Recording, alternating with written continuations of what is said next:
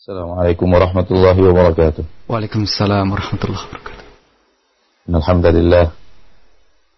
نحمده ونستعينه ونستغفره ونعوذ بالله من شرور أنفسنا ومن سيئات أعمالنا من يهده الله فلا مضل له ومن يضلل فلا هادي له أشهد أن لا إله إلا الله وحده لا شريك له وأشهد أن محمدا عبده ورسوله صلى الله عليه وعلى آله وأصحابه ومن تبعهم بإحسان إلى يوم الدين وسلم تسليما كثيرا.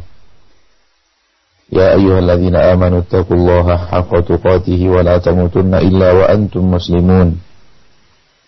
يا أيها الناس اتقوا ربكم الذي خلقكم من نفس واحدة وخلق منها زوجها وبث منهما رجالا كثيرا ونساء. واتقوا الله الذي تساءلون به والأرحام. إن الله كان عليكم رقيبا. يا أيها الذين آمنوا اتقوا الله وقولوا قولا سديدا. يصلح لكم أعمالكم ويغفر لكم ذنوبكم. ومن يطع الله ورسوله فقد فاز فوزا عظيما. أما بعد فإن خير الحديث كتاب الله وخير الهدي هدي محمد صلى الله عليه وسلم. شر الأمور محدثاتها فإن كل محدثة بدعة وكل بدعة ضلالة وكل ضلالة في النار. إخواني أخواتي في الدين dimanapun antum berada semoga hari-hari antum senantiasa mendapatkan taufik dan hidayah dari Allah Tabaraka wa Ta'ala Pagi hari ini kembali kita bertemu di udara dalam rangka menggapai hidayah dan mengejarnya. Mencari jalan yang lurus, mengetahuinya, bertanya dan berdiskusi untuk mengarahkan kita ke jalan yang lurus tersebut. Karena itu permintaan kita kepada Allah setiap hari. Dengan mengucapkan ihdinas siratal mustaqim berarti kita minta kepada Allah agar hari-hari kita diisi oleh Allah Subhanahu wa taala dengan hidayah. Diberikan taufik diberikan ilmu diberikan hal-hal yang bermanfaat di akhirat dan itu yang paling penting dan di dunia dan dia juga penting Masyaallah muslimin wal muslimat hadirin wal hadirat. Setelah kita mengetahui hidayah tersebut dengan mempelajarinya, tambahkan semangat untuk mengamalkannya. Terkadang langkah seorang insan dihentikan oleh syaitan sampai kepada titik menimba ilmu saja. Dan dia dikunci oleh syaitan dengan izin Allah tentunya, dengan ilmunya dan keputusannya yang maha bijaksana tanpa penggaliman sedikit pun, belum bisa melangkah ke pintu amal. Padahal, bukankah ilmu itu dituntut? Bukan sekedar untuk tahu. Karena tidak ada arti tahu apabila perbuatan kita bertolak belakang dengan apa yang kita ketahui. Kita tahu ini pahit, tidak hanya cukup sampai di situ. Namun, tetap kita memakannya walaupun dia pahit dan memberikan mudarat, maka tidak bermanfaat ilmu tersebut. Namun kalau kita tahu dia adalah pahit dan dia adalah racun, setelah itu kita menjauhinya karena kita tahu itu pahit dan itu adalah racun. Itulah yang bermanfaat. Yang bermanfaat adalah ketika ilmu tersebut tersebut telah berubah menjadi amal. Kalau tidak, ilmu tersebut tidak akan bermanfaat dan ilmu yang tidak bermanfaat adalah sebuah petaka yang dahsyat andai difahami oleh setiap muslim dan muslimah yang memiliki hati. Makanya Rasul kita tercinta, Nabi kita yang mulia, suri tauladan kita dan seluruh manusia Muhammad bin Abdullah salawatu rabbi wa salamu alaih berlindung kepada Allah, minta perlindungan kepada Allah daripada ilmu yang tidak bermanfaat. Allahumma inni a'udzu bika min ilmin la yanfa'. Ya Allah, aku berlindung kepadamu ya Allah. Aku berlindung kepadamu daripada ilmu yang tidak bermanfaat. Dengarkan firman Allah tabaraka wa taala. Dengarkan sabda Rasulullah SAW ini. Dan kemudian bandingkan dia bandingkan dengan dengan apa yang kita ucapkan. Dan diperintahkan kita untuk mengucapkannya. A'udzu billahi minasyaitonir rajim a'udzu billahi minasyaitonir rajim bandingkan dengan Allahumma inni a'udzu bika. Mirip. Allahumma inni a'udzu bika mirip sekali dengan a'udzu billahi persis Kemudian min ilmin la yanfa mirip dengan asyaitonir rajim, min asyaitonir rajim. Mirip sekali. Fahamlah kita bahwa apabila kita hanya rajin menuntut ilmu, namun ternyata ilmu tersebut tidak teraplikasi dalam kenyataan, dalam kehidupan sehari-hari, maka kita telah terperangkap oleh jebakan syaitan. Syaitanlah yang telah membuat kita rajin menuntut ilmu, tapi malas mengamalkan ilmu. Maka ikhwani wa akhwati fiddin.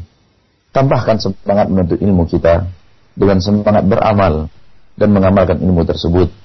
Karena di dalam amalan itulah kebaikan. Ilmu apabila telah teraplikasi di dalam amal, di situlah seorang muslim dan muslimah menemukan hidayah yang sempurna. Ma'asyarul muslimin wal muslimat. Di mana pun antum berada rahimani wa rahimakumullah. Apabila seseorang baru sampai kepada pintu ilmu dan belum masuk kepada pintu amal ilmu tersebut dalam, belum teraplikasi dalam amal sifat utama yang sering muncul dan tampak dalam dirinya adalah sombong sombong Masyaallah muslimin dan muslimat orang yang rajin menuntut ilmu kemudian malas beramal sifat utama yang paling nampak dalam sifat hari-hariannya adalah sombong. Nauzubillah. Dan orang yang sombong, tempat kembali mereka adalah neraka. Allah berfirman, "Fabi samas wal mutakabbirin." Neraka adalah seburuk-buruk tempat. Untuk siapa? Orang-orang yang sombong. Mutakabbirin. Maka ilmu apabila hanya mengantarkan Anda kepada kesombongan, maka naudzubillah summa naudzubillah tempat kembali Anda dengan ilmu yang bermanfaat itu adalah neraka Allah. Tempat kembali Anda dengan ilmu yang mengantarkan Anda kesombongan dan ilmu itu ilmu yang hak mengantarkan Anda kesombongan. Tempat kembali Anda adalah neraka. Bukan surga.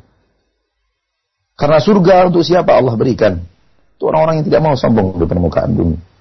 Tilka darul akhirah naj'aluha lilladzina la yuriduna 'uluwan fil ardi wala fasada. Itulah kampung akhirat. Kami peruntukkan kampung akhirat itu untuk orang-orang yang tidak mau ketinggian di permukaan bumi. Untuk orang-orang yang tidak mau tinggi di permukaan bumi. Dia hanya mau merendah karena dia sadar dia adalah hamba. Dia hanya mau tawadu karena dia merasa dirinya tidak pernah, tidak pantas, tidak pantut untuk sombong. Apa yang dia sombongkan? Mata yang dia pakai untuk melihat mata milik Allah. Telinga yang dia gunakan untuk mendengar pemberian Allah. Lisan yang dia gunakan untuk berkata-kata anugerah Allah. Tangan yang akan memberi dan mengambil pemberian Allah. Kakinya untuk melangkah nikmat Allah. Jantung yang setiap hari setiap hari bergetar, berdetak dan bergerak beraktivitas karunia Allah. Darah yang naik turun di sepanjang tubuhnya setiap hari, di saat sadar atau sedang tertidur, atau sedang pingsan, milik Allah. Semua pemberian Allah. Apa yang perlu dia sombongkan? Apa yang perlu dia sombongkan? Bahkan apa yang pantas untuk dia sombongkan? Apa yang membuatnya sombong? Yang membuatnya sombong adalah godaan iblis. Dan sombong juga bisa didapatkan dari ilmu yang banyak. Para ulama berkata, "Inna lil ilmi nafasun kanafasil mal. Sesungguhnya ilmu memiliki kesombongan. Bagaikan kesombongan harta. Maka menuntut ilmu lah untuk mengamalkan ilmu tersebut. Belajarlah untuk bisa mengamalkan apa yang kita pelajari tersebut. Kalau tidak, akibatnya akan lebih berbahaya daripada orang yang tidak menuntut ilmu. Masyaallah muslimin. Masyaallah muslimat, semoga Anda dan saya diberikan oleh Allah tabaraka wa taala taufik dan hidayah untuk menjadikan semangat menuntut ilmu tidak hanya sebatas menuntut ilmu akan tetapi ditambahkan juga kepada kita semangat untuk mengamalkan ilmu tersebut. Amin ya rabbal alamin. Ikhwani wa akhwati fid din, kembali kita bersama kitab Al-Aqidah Al-Wasitiyah kata Syekhul Islam Ahmad Ibn Abdul Halim Ibn Taimiyah rahimahullah taala. Dan kita memasuki perkataan beliau wa qawluhu dan demikian juga firman Allah tabaraka wa taala Al-Alim Al-Khabir. Al-Alimul Khabir. Yang maha mengetahui. Allah yang maha mengetahui. Al-Khabir. Allah yang maha mengetahui yang halus. Ayat ini terdapat dalam surat At-Tahrim, ayat yang ketiga. Syukur Islam Ibn Taimiyah rahimahullah sebagaimana yang kita dengarkan di dalam awal-awal mukaddimah beliau mengingatkan kita kepada Allah. Mengingatkan kita kepada nama-namanya. Mengingatkan kita kepada sifat-sifatnya. Memahamkan kepada kita bahwa Allah yang kita ibadati memiliki nama dan memiliki sifat. Dan kita diperintahkan oleh Allah untuk mengetahui nama dan mengetahui sifat-sifat tersebut. Ikhwani, akhwati fiddin. Apabila kita membolak-balik ayat Al-Quran, lembaran-lembaran Al-Quran, maka kita tidak akan menemukan lembaran tanpa asma wa sifat. Kita tidak akan menemukan lembaran-lembaran Al-Quran tanpa di dalamnya Allah bercerita tentang dirinya, perbuatannya, namanya, sifatnya, dan bagaimana manusia harus bertindak dan berbuat menghadapnya kepadanya terhadapnya Rabbul Izzati wal Jalalah. Semua itu karena Allah tabaraka wa taala tahu dan faham apa yang sangat dibutuhkan oleh manusia. Ketika Allah melihat manusia membutuhkan sesuatu dan hajatnya terhadap sesuatu itu sangatlah fundamental, sangatlah fundamen, sangatlah krusial, maka niscaya Allah akan membanyakkan hal yang dibutuhkan oleh manusia tersebut. Tak ubahnya bagaikan makanan dan minuman. Sungguh manusia lebih membutuhkan minum lebih daripada makanan. Oleh karena itu jumlah minuman di permukaan bumi lebih banyak daripada jumlah makanan. Karena Allah tahu manusia lebih membutuhkan minum daripada makan. Maka Allah banyakkan air dibanding makanan. Allah tahu, tabaraka wa ta'ala, manusia lebih membutuhkan oksigen daripada air. Makanya Allah lebih banyakkan oksigen daripada air. Di semua tempat ada oksigen dan tidak di semua tempat ada air. Kenapa Allah lebih banyakkan oksigen? Karena manusia lebih membutuhkan oksigen daripada air. Wahalum majarra. Demikian halnya juga apabila, ini menyentuh hal-hal yang zahir. Demikian juga halnya dengan yang batin. Apabila kebutuhan manusia terhadap sesuatu secara batin lebih dahsyat daripada kebutuhan kepada yang lain, maka kebutuhan yang lebih fundamental itu Allah lebih banyakkan. Dan jika Allah membanyakkan pembahasan tentang asma wa sifat, di dalam Al-Quran. Lebih daripada pembicaraan tentang sholat. Lebih daripada pembicaraan tentang zakat. Lebih daripada pembicaraan tentang jujur. Lebih banyak daripada pembicaraan tentang sabar. Lebih banyak daripada, pembicaraan tentang wadu. Lebih banyak daripada kisah-kisah para nabi dan para rasul. lebih banyak daripada hal-hal yang sering kita dengar di dalam uraian-uraian syariat. Allah lebih banyak berbicara tentang asma wa sifat. Tentang nama dan sifat-sifatnya. Ini menunjukkan kepada kita banyaknya ini di dalam Al-Quran. Menunjukkan kita kepada kepada kita alangkah pentingnya kita mengetahui hal tersebut. Dan sangat harusnya kita dan sangat butuhnya kita kepada hal tersebut. Dan ketahuilah, orang yang tidak mengenal Robnya, maka dia tidak bisa beribadah kepada Robnya. Orang yang tidak faham Robnya, maka dia tidak bisa tunduk dan patuh kepada Robnya. Orang tidak mempelajari asma dan sifat secara benar, secara baik, secara ikhlas, maka dia tidak akan pernah bisa beribadah dengan baik kepada Allah. Terlihat memang khusyuknya di dalam keramaian manusia, tapi mana khusyuknya di saat sendiri? terlihat memang solehnya di hadapan teman-teman, kawan dan tetangganya. Tetapi mana kesolehannya ketika hanya ada istrinya di dalam rumahnya, ketika hanya ada anaknya di dalam rumahnya, mana kesolehannya itu? Tidak jarang ada laporan-laporan kepada kita, orang-orang yang sudah bahirnya bagus, semangat mengajinya, Masya Allah. Namun istrinya menjadi sasaran empuk dari tangannya kasar istrinya menjadi sasaran empuk dari lidahnya yang tajam. La ilaha illallah. Bukankah Allah yang Anda perhatikan di saat Anda berada di depan teman-teman dan kawan, di depan sahabat dan ustadz, dia juga Allah yang memperhatikan Anda di saat Anda berada di depan istri Anda seorang diri. Bukankah Allah yang Anda perhatikan dia di saat Anda di pasar. Lalu Anda menundukkan pandangan. Ketika Anda berada di keramaian, lalu Anda menjauh daripada maksiat. Bukankah dia juga Allah ketika Anda sedang berada di depan anak Anda? Apa bedanya? Tidak ada beda sama sekali. Dialah Allah yang ada di keramaian manusia, Anda perhatikan. Dia juga Allah yang ada di saat Anda sendirian.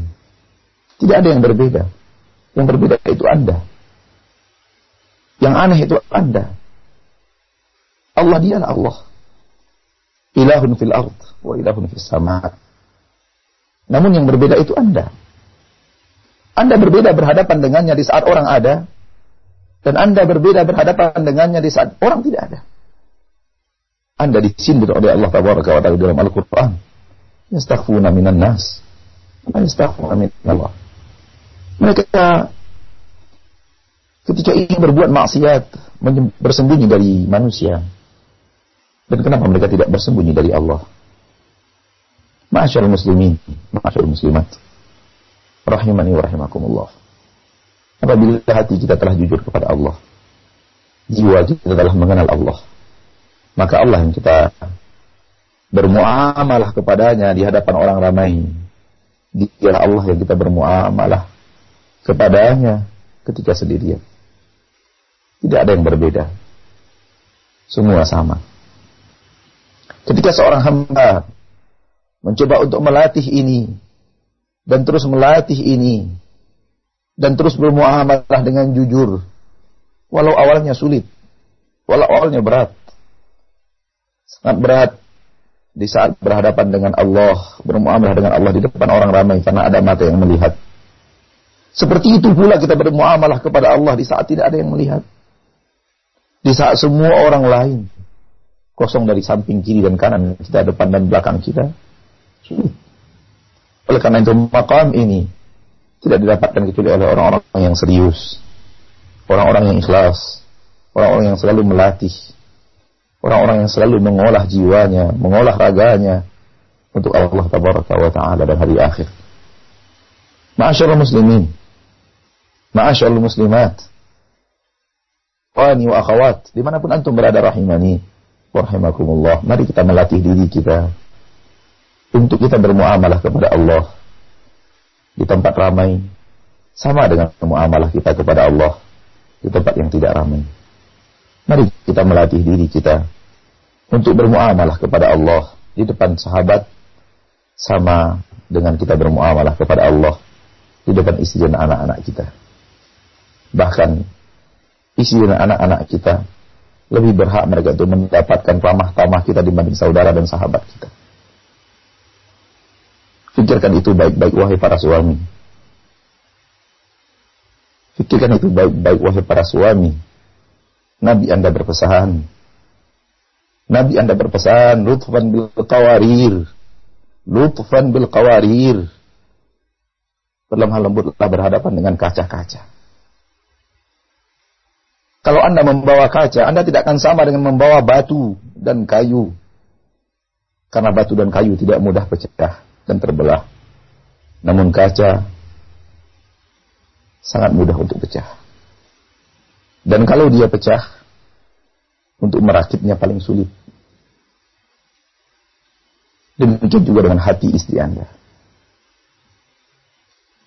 Demikian juga dengan hati istri Anda, ma'asyarul muslimin. Dia adalah kaca. Yang apabila telah pecah, maka sangat sulit untuk menyatukannya kembali. Untuk menjadikannya menjadikannya utuh dan sempurna seperti sedia kala. Maka yang harus Anda lakukan, jangan pecahkan dia. Lutfan bil qawarir. Berlemah lembutlah di depan dengan kaca. La ilaha illallah. Ini Rasul Anda berkata. Ini Rasul Anda yang memberikan wejangan dan tausiah. Singkat namun padat singkat namun bermanfaat. Itulah sabda Rasulullah SAW. Berbeda dengan ucapan kita. Panjang tapi kosong. Berjam-jam tapi tidak memiliki makna yang jelas. Yang ada hanya tawa. Yang ada hanya canda. Bahkan ketika bicara surga dan neraka pun masih bisa tertawakan.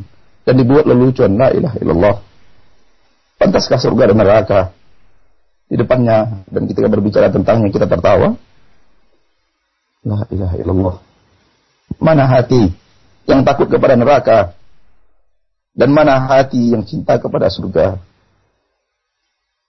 Masih pantaskah kita lelucon ketika kita bicara surga dan neraka? Orang-orang saleh, para nabi dan para rasul, pemimpin mereka, para sahabat, suri tauladan mereka adalah orang yang hatinya ciut apabila mendengarkan neraka. Dan mereka adalah orang yang hatinya berbunga-bunga apabila berbicara surga. Ciut karena rasa takut, berbunga-bunga karena rasa harap. Itulah mereka. Dan kita disuruh untuk meniru mereka. Mereka tidak pernah tertawa ketika bicara neraka. Mereka tidak pernah tertawa ketika bicara surga yang ada hanya tangis. Tangis harap. Dan tangis khawatir. Ulaika. Mereka adalah kaum yang diperintahkan kita untuk mencontoh mereka. Yusari'una fil khairat. Mereka adalah orang yang berlomba-lomba dalam kebaikan. Wa yad'unana raghaban wa rahaba dan mereka selalu berdoa kepada kami, meminta dan memohon kepada kami, beribadah kepada kami. Rahaba, penuh dengan rasa harap. Warahaba, penuh dengan rasa khawatir. Inilah sifat mereka. Oleh karena itu, kepada diri saya pribadi, kepada ustadz-ustadz yang saya muliakan, jangan berbicara surga dan neraka sambil tertawa. Anda meremehkan surga dan neraka di dalam pengajian itu. Anda sedang menertawakan hal yang patut untuk kita menangis di hadapannya. Dan Anda sedang menertawakan hal yang patut kita menangis di hadapannya penuh dengan rasa harap untuk masuk ke dalamnya. Ini adalah keteledoran yang luar biasa. Terkadang kita terjerumus ke dalamnya tanpa sadar. Kita terjerumus ke dalamnya karena kurang mendapatkan taufik dan hidayah dari Allah untuk meletakkan sifat yang benar di depan pembicaraan yang benar. Semoga Allah Rabbul Izzati wa Jalla Wadul Jabarut wal Malakut wal Kibriya wal Azamah selalu memberikan kita hidayah ke jalan yang lebih lurus dan lebih lurus daripada sebelumnya. Amin ya rabbal alamin. Pentingnya kita untuk mengenal Allah. Itulah dia sekiranya yang diinginkan oleh Syekhul Islam Ibnu Taimiyah di dalam awal-awal kitab Al-Aqidah Wasithiyah ini dan perkataan beliau yang akan kita kupas secara ringkas mudah-mudahan bermakna dan bermanfaat adalah Al-Alim Al-Khabir yang maha mengetahui dan yang maha mengetahui yang halus Al-Khabir. Masya Allah muslimin dan muslimat. Al-Alim telah kita pelajari sebelumnya. Tinggal pada kesempatan kali ini biidznillah azza wa jal kita mendalami makna al-khabir. Dan sungguh apa yang telah ana mulai di dalam mukaddimah yang sengaja ana panjangkan sebenarnya itu adalah syarah daripada al-khabir. Al-khabir maknanya adalah al-alim bi bawatinil umur orang yang mengetahui hal-hal yang tersimpan, yang mengetahui hal-hal yang tertutup, yang mengetahui hal-hal yang tidak kelihatan oleh mata. Dia lebih umum, lebih luas daripada al-alim. Dan dia lebih khusus daripada al-alim. Dan Allah memiliki keseluruhannya. Ilmu tentang zahir, dan ilmu tentang al-batin. Dan bukankah manusia ini terdiri dari dua unsur? Unsur zahir dan unsur batin. Bukankah kerajaan manusia pun terdiri dari dua unsur? Unsur zahir dan unsur batin. Kedua-duanya harus selaras. Dan yang selaras kedua-duanya lebih baik daripada yang satunya berbeda dengan yang lainnya. Nah, muslimin. Manusia terbagi kepada tiga kelompok. Dan tiga kelompok inilah yang Allah sebut di awal Al-Quran surah Al-Baqarah. Pertama Allah berbicara tentang orang-orang mukminin, Orang-orang muttaqin. Dan orang-orang muttaqin adalah yang zahirnya dan batinnya saleh. Zahirnya dan batinnya saleh. Kemudian Allah berbicara tentang orang-orang kafir. Khatamallahu ala qulubihim wa ala sam'ihim wa ala absarihim ghishawah. Orang yang kafir adalah orang yang zahirnya dan batinnya sama-sama kufur. Sama-sama kufur. Yang mutakin sama zahir dan batinnya, namun sama-sama saleh. Zahirnya saleh, batinnya saleh. Mereka mendirikan sholat, mereka juga beriman dengan hari akhir. Lihat batin dan zahir. Orang kafir pun demikian. Sama antara zahir dan batinnya. Namun sama-sama sesat. Sama-sama toleh. Wal'iyadzubillah. Dan kemudian Allah berbicara kepada kita yang ketiga. Wa minan nasi man yakulu amanna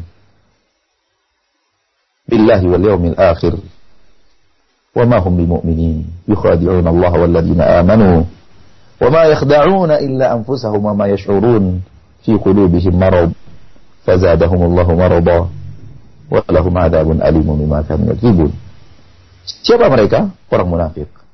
Siapa orang munafik ini? Yang zahirnya dan batinnya bertabrakan. Yang zahirnya dan batinnya tidak selaras. Bagaimana zahir mereka? amanna billahi wa bil yawmil akhir. Bagaimana batin mereka? Wa ma hum bimu'minin. Wa ma hum bimu'minin. Lisan mereka mengucapkan asyhadu an la ilaha illallah wa asyhadu annaka rasulullah. Lisan mereka. Batin mereka tidak seperti itu. Zahir mereka salat, hati mereka tidak salat. Zahir mereka berzikir, hati mereka tidak berzikir. Zahir mereka berjihad, hati mereka tidak berjihad. Berbeda antara zahir dan batin. Dan Allah mengetahui yang zahirnya orang yang bertakwa Allah tahu. Zahirnya orang-orang yang kufur, kafir Allah tahu. Dan zahirnya orang-orang munafik Allah tahu. Sebagaimana Allah mengetahui yang batin. Batinnya orang yang bertakwa Allah tahu. Maka Allah berikan kepada mereka surga. Dan batinnya orang-orang kafir Allah tahu. Maka Allah berikan kepada mereka neraka. Dan batinnya orang-orang munafik Allah tahu maka Allah berikan kepada mereka neraka yang paling panas. Innal munafiqina fit darkil asfali minan nar. Ini menunjukkan kepada kita bahwa berbeda antara zahir dan batin adalah pekerjaan yang sangat dibenci oleh Allah. Pekerjaan yang sangat dibenci oleh pencipta kita. Rabbul Izzati wal Jalala. Anda kira Allah Allah hanya tahu Anda sudah berkata? Kemudian ketika Anda sembunyikan di dalam dada Allah tidak tahu? Allah puji. Anda memuji seseorang. Namun hati Anda mencaci dan memakinya. Anda kira Allah tidak tahu? Allah Anda Anda kira Allah tidak tahu bahwa Anda mencaci orang ini sebenarnya. Walaupun lisan Anda penuh dengan pujian.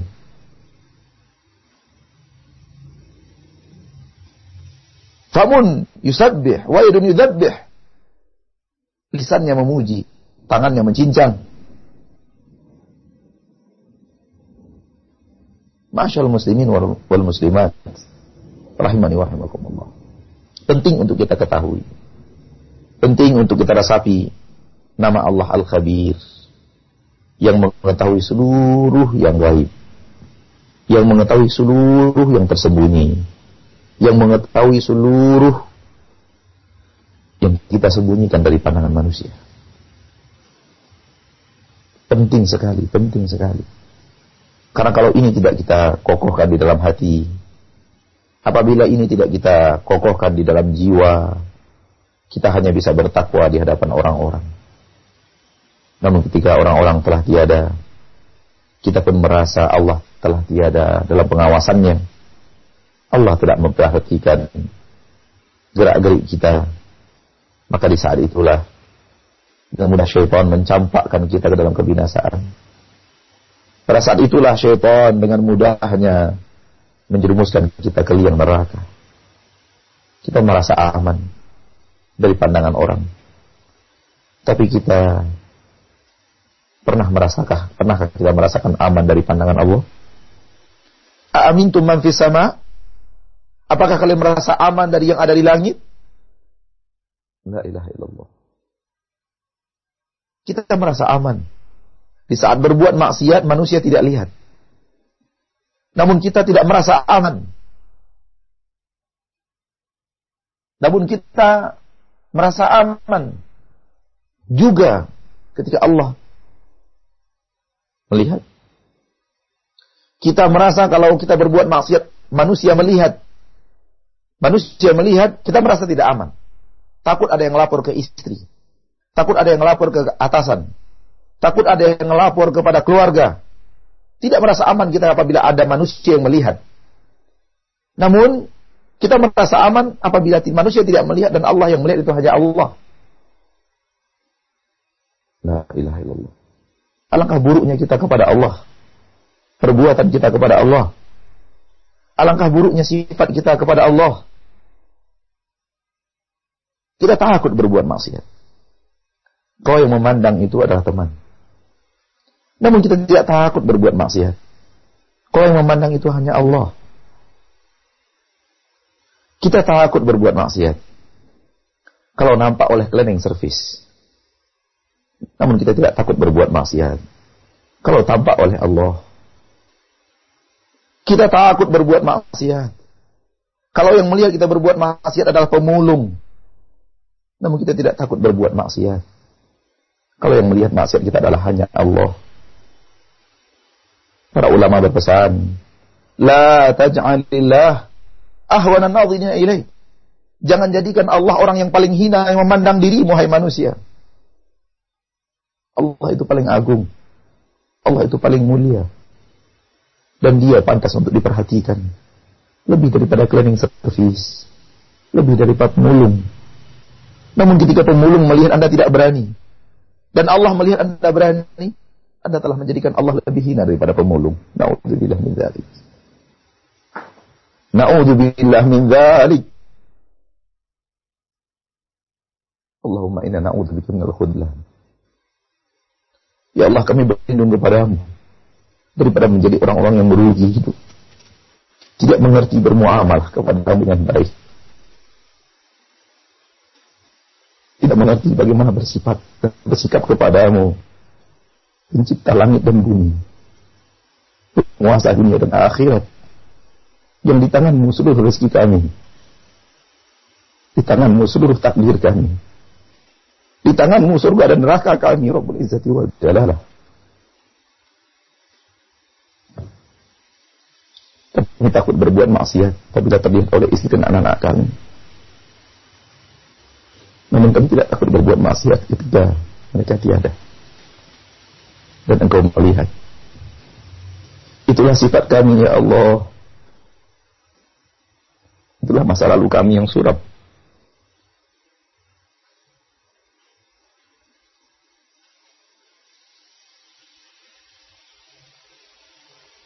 Itulah kami dan kejahilan kami terhadap dirimu, pengawasanmu, kemahakuasaanmu. Namun engkau masih merahmati kami. Masih memberikan rahmat dan nikmat yang besar setiap hari. Mata kami gunakan untuk berbuat maksiat. Belum engkau tahan. Belum engkau butakan. lisan yang kami gunakan untuk bercarut. Berdusta. Belum lagi engkau keluhkan. Engkau jadikan dia bisu. Dengan pemberianmu kami berbuat maksiat, tapi engkau masih menyayangi kami. Ya Allah, penguasa langit dan bumi. Berikan kami hidayahmu. Berikan kami rasa takut kepadamu. Melebihi takut kami kepada seluruh penguasa, raja, pemimpin di permukaan bumi. Karena itu yang pantas untuk engkau miliki.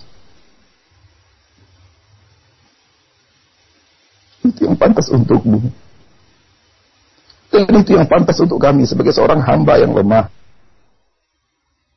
Sebagai seorang insan yang baik yang senantiasa tergantung kepadamu di dunia dan di akhirat. Di dalam kesendirian atau di orang ramai. Kamu selalu bergantung kepada rahmat dan nikmatmu ya Rabb. Maafkan kami atas masa lalu kami yang kelam. Maafkan kami atas masa lalu kami yang suram. Kami tinggalkan sholat. Kami tinggalkan puasa. Kami tinggalkan jujur. Kami meninggalkan berbakti kepada orang tua. Kami menggantinya dengan sikap dan mulut yang tajam kepada orang tua kami. Dan banyak lagi pekerjaan kami tidak bisa kami hitung. Kami hidup dengan lumpuran syahwat. Kami hidup dalam kubangan maksiat dan engkau masih merahmati dan mencintai kami ya Rob. Hari ini kami menghadap kepadamu dengan hati yang tulus dan ikhlas. Mohon rahmatmu yang lebih besar dan rahmat yang kau berikan kepada kami sekarang.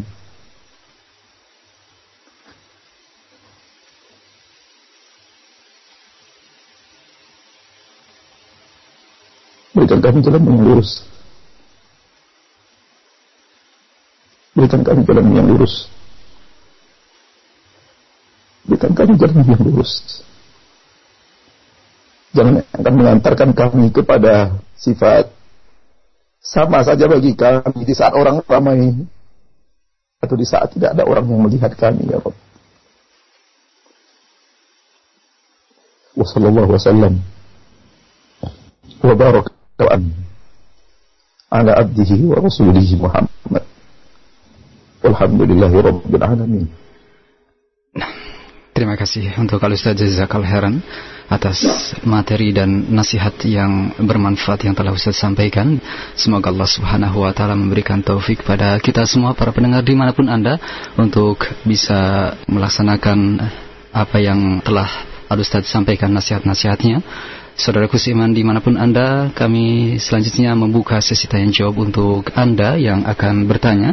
Kami akan eh, sampaikan pertanyaan-pertanyaan yang telah Anda kirimkan melalui pesan singkat di 081 9896543. Kami berikan kesempatan untuk sesi tanya jawab di pagi hari ini hanya dengan pesan singkat dan satu pertanyaan yang datang dari pendengar kita seorang hamba Allah di Jakarta yang bertanya, Ya Ustaz, apakah seseorang yang dulu taat kepada Allah namun kini dia menjadi seorang yang ahli maksiat, misalnya eh, kini menjadi pecandu narkoba, apakah ini bisa dikategorikan sebagai ujian keimanan baginya?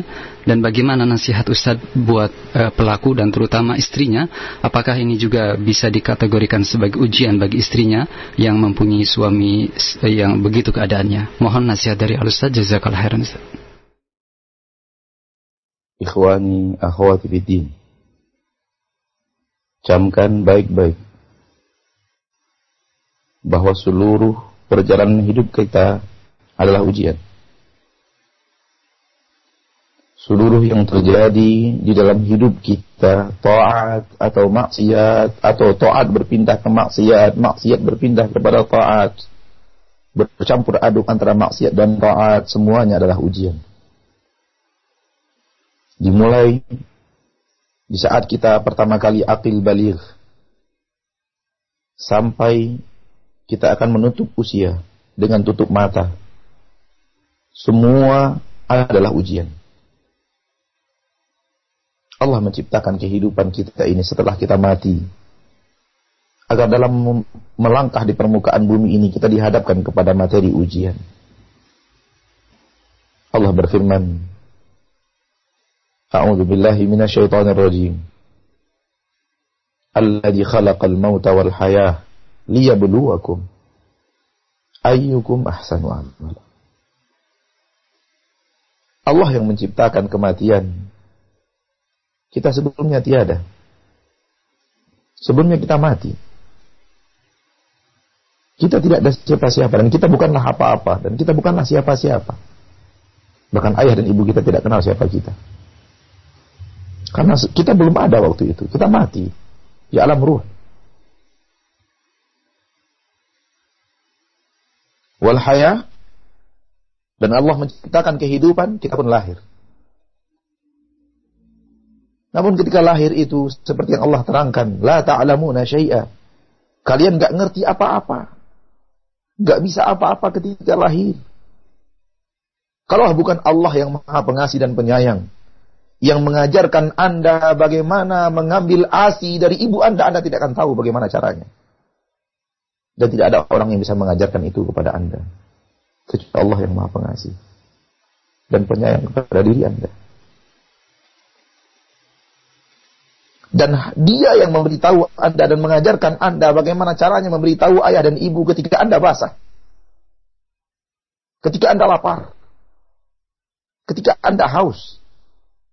Dan belum ada seorang guru ahli pun yang bisa mengajarkan itu kepada Anda. Sehebat apa pun dia dalam mempelajari psikologis manusia yang berumur satu hari, dua hari, tiga hari, lima hari. Hanya dia yang maha pengasih dan penyayangnya memberikan rahmat yang tiada tara. Ketika tiba-tiba Anda telah pandai memberitahukan ayah dan ibu Anda. Ketika Anda haus dan lapar, sehingga ia tahu Anda haus dan lapar anda pandai memberitahu kepada ayah dan ibu Anda, Anda sedang basah dan Anda tidak suka dengan basah itu. Dan begitu seterusnya. Hanya Allah yang memberikan itu dengan rahmat dan kasih sayangnya yang tiada tara. Kemudian Anda bertumbuh, tumbuh menjadi seorang kanak-kanak. Kemudian sampai kepada masa balik. Di masa balik inilah mulai materi ujian.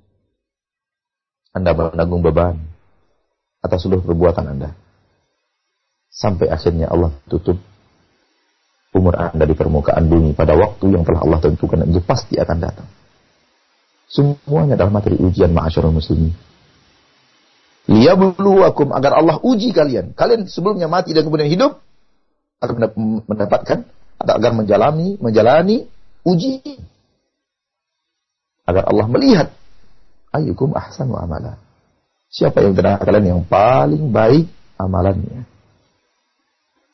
Ikhwani, akhwati fiddin.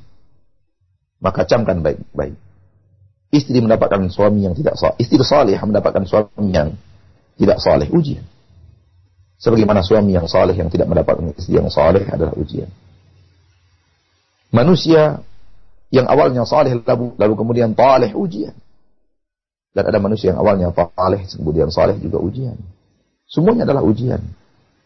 Semuanya adalah ujian. Ujian kepada kepada kita itu bukan hanya yang buruk-buruk, yang baik-baik pun ujian. Wa nabluukum bil khairi. Kami uji kalian dengan kebaikan sebagaimana kami uji kalian dengan sesuatu yang tidak baik menurut kalian. Antum merasa orang yang sholat itu tidak ujian? Ujian bagi dia. Anda kira orang yang berceramah itu bukanlah ujian? Ujian bagi dia.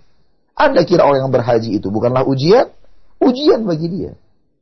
Sebagaimana orang yang minum khamar adalah ujian baginya. Sebagaimana orang yang berzina adalah ujian baginya. Maka semua adalah proses ujian. Yang saleh akan diuji dengan kesolehannya. Apakah dia sombong dengan kesolehannya? Atau dia tak Walaupun lisan manusia memuja dan memujinya. Dan dia tidak pernah berharap itu sedikit pun. Dan tidak suka itu sedikit pun.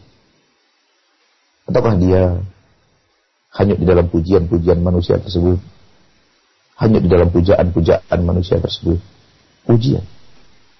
Orang-orang yang paleh berbuat maksiat. Ketika dia berbuat maksiat, dia tahu dia di atas murka Allah. Itulah ujian baginya. Maka dia akan ikuti ajakan hawa nafsu yang lezat. Ajakan hawa nafsu yang nikmat. Ataukah dia mengikuti aturan dan ajaran Allah yang akan menjauhkannya daripada ajakan hawa nafsu tersebut. Semua adalah materi ujian ma'asyarul muslimin. Dan kemudian kita sangat bahagia apabila ada saudara kita yang dari taleh berubah menjadi saleh.